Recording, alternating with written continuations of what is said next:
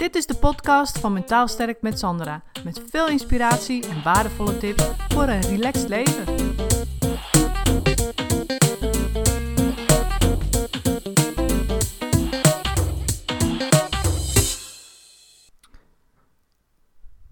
Ik kijk tegenwoordig uh, op uh, Netflix een nieuwe serie en die heet Below Deck. Ik weet niet of je die kent, maar uh, het is wel grappig, want uh, toen ik reisleider was, toen was ik bezig natuurlijk met uh, geld te kunnen verdienen om veel te kunnen reizen. En ik vond het natuurlijk ook leuk om in het buitenland te wonen en te werken. En toen heb ik serieus ook zo'n carrière, als wat je dus op Below Deck ziet, heb ik overwogen. En wat gebeurt daar nou? Nou, dat is dus uh, uh, zo'n zo luxe jacht, weet je wel, zo'n miljoenenjacht. En je kunt als steward of stewardess kun je op zo'n jacht werken.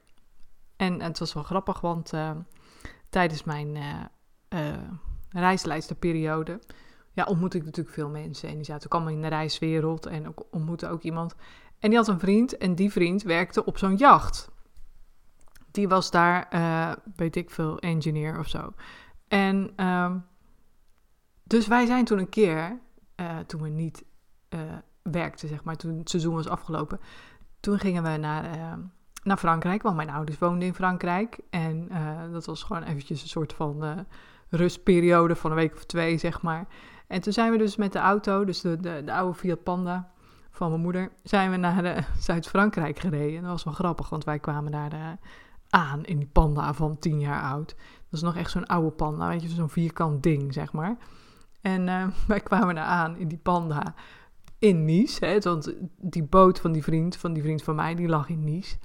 En... Uh, of in Mon Nee, hij lag in Nice, ja. Nee, Monaco zijn we toen nog naartoe geweest. Maar in ieder geval, wij kwamen aanrijden in Nice. En ja, in zo'n panda. En daar heb je natuurlijk alleen maar van die luxe auto's en luxe jachten. En dus dat was op zich al heel grappig.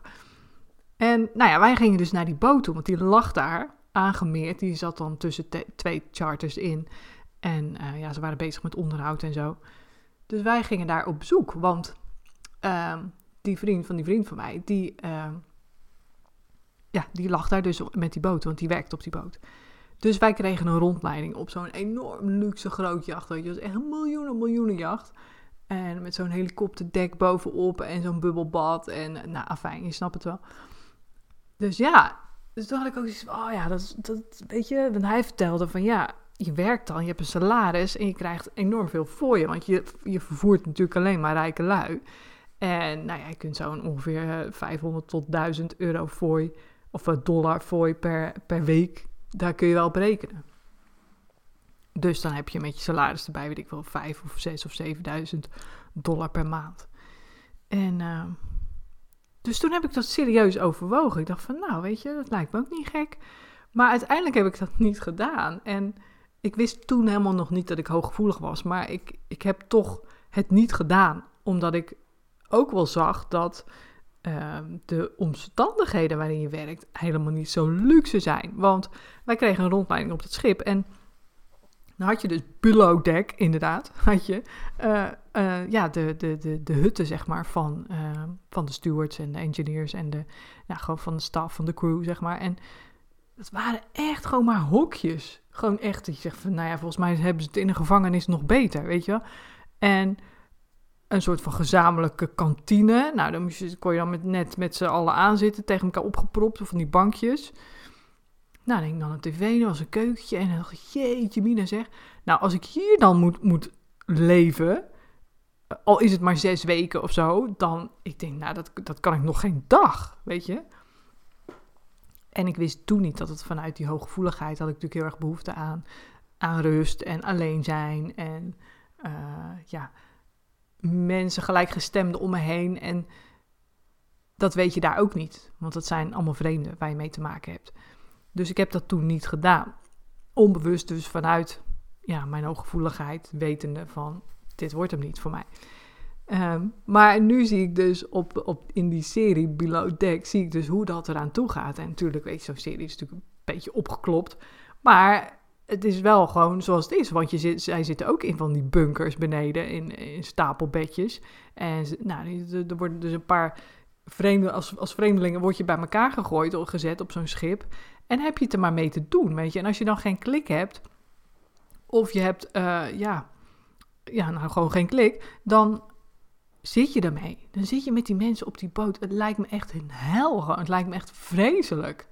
En dat zie je dan ook gebeuren. Dat, ehm, dat er heel veel ruzies zijn. En, en, mensen die dus geen klik hebben. Of er is eentje die werkt dan net niet lekker door of mee. En iedereen heeft dan de pest aan hem of haar. Of eentje zit veel te zuipen. En die, die gaat dan. Uh, ja, die, die verpest dan de sfeer. Of die, uh, die, die krijgt de kapitein op, op zijn of haar nek. Of weet je, er is, er is echt constant wat aan de hand. En daarbij komt nog dat, dat je dus op zo'n boot moet je 10 tot, uh, nou niet 10, iets van 15 tot 18 uur per dag werken. Weet je, en je staat heel de tijd sta je in van die kleine ruimtes. Tenzij je dus een keer uh, aan het serveren bent boven en dan sta je even op dat achterdek. Maar ja, dan heb je dus te maken met die rijke lui die dan je gasten zijn. En als je dat ziet, wat voor gasten dat zijn, dan denk je van nou, daar lusten de, de honden ook geen brood van.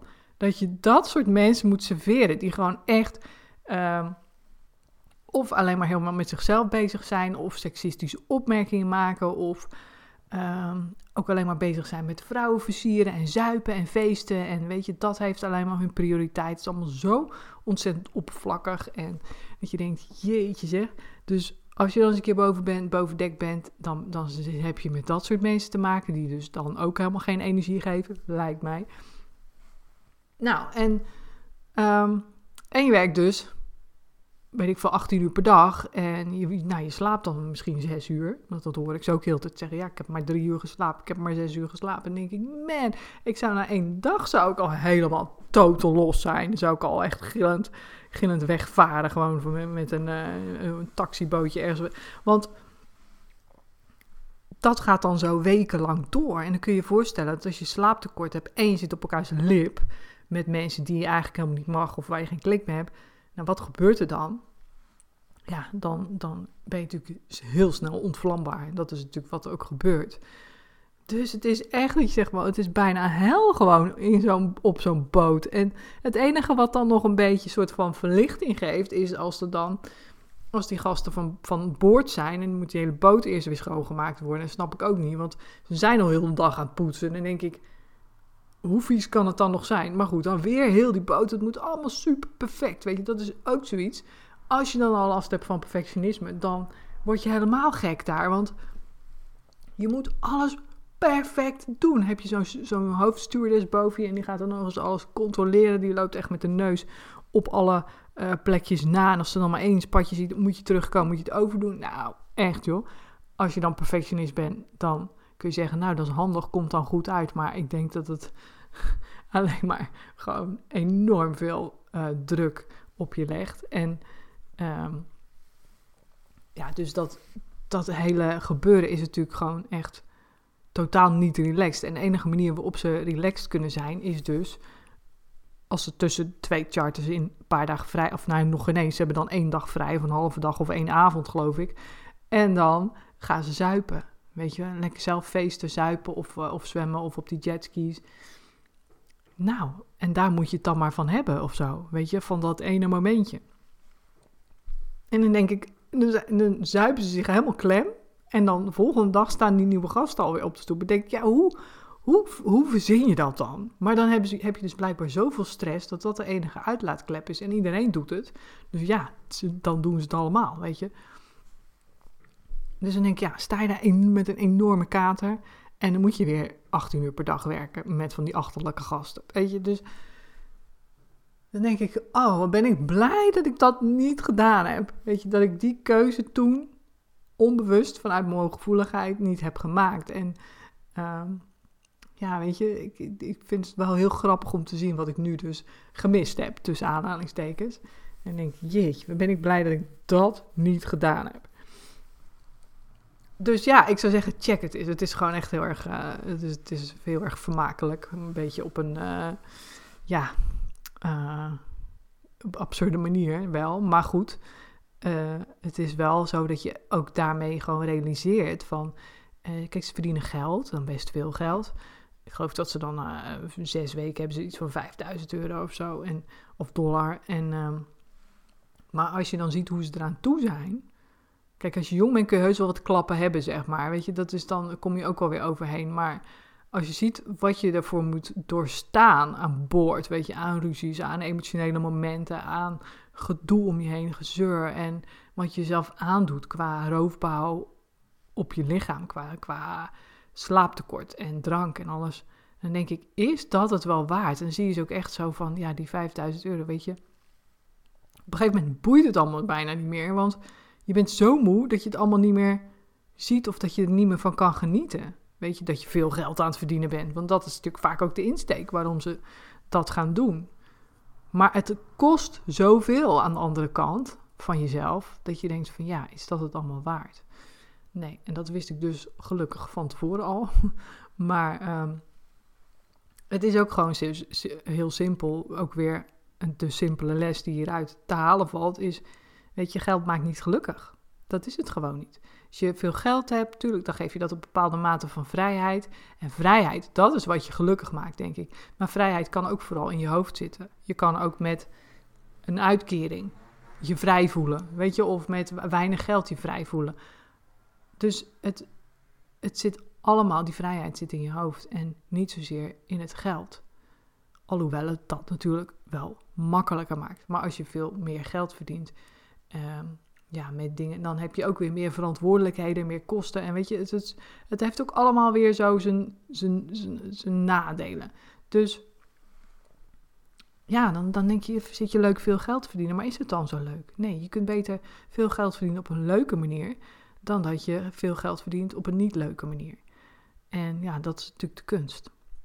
En een hele lastige. En voor heel veel mensen ook totaal niet belangrijk. Gewoon vanwege wat ik nu zeg, geld maakt gewoon niet gelukkig.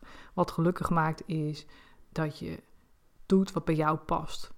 En als dat op een schip zitten is met heel veel mensen om je heen waar je heel dag last van hebt, als dat het niet is voor je, nou dan word je ook niet gelukkig. Maakt niet uit hoeveel geld je verdient. Snap je? Dus dat is gewoon even voor jezelf van waar word ik nou gelukkig van? Wat is voor mij belangrijk? En uh, ja, over het algemeen is dat natuurlijk niet geld verdienen. Dus, en natuurlijk ook het stukje um, wat ik altijd zeg van, het, kijk, het, uh, wat belangrijk is om ruimte voor jezelf te maken, is het loslaten van wat anderen van je verwachten. Dus ook weer dat succesvol zijn of veel geld verdienen of maar moeten presteren. Weet je, daar gaat het ook niet om. En als je dat wil leren, hoe je daar los van kan komen, dus van dat stukje verwachtingen van anderen, van de maatschappij misschien wel, en hoe je echt gewoon bij jezelf kan blijven, hoe je ruimte voor jezelf kan maken, dan uh, dat ga ik je vertellen in mijn live masterclass. En die geef ik op woensdag, aanstaande woensdag. Dus check even de link hier in de beschrijving. Zorg dat je erbij bent. Want daarin ga ik je dus vertellen hoe je ervoor kunt zorgen dat je echt bij jezelf komt. Dat je ruimte voor jezelf maakt. Met wat jij echt wil en niet wat er van je verwacht wordt. En uh, niet wat je anderen ziet doen. Dus check dat en dan zie ik je, als het goed is, woensdag live. Kun je niet, schrijf je alsnog in. Er komt een opname, die kun je tot 11 uur s avonds bekijken. Tot dan, doei doei!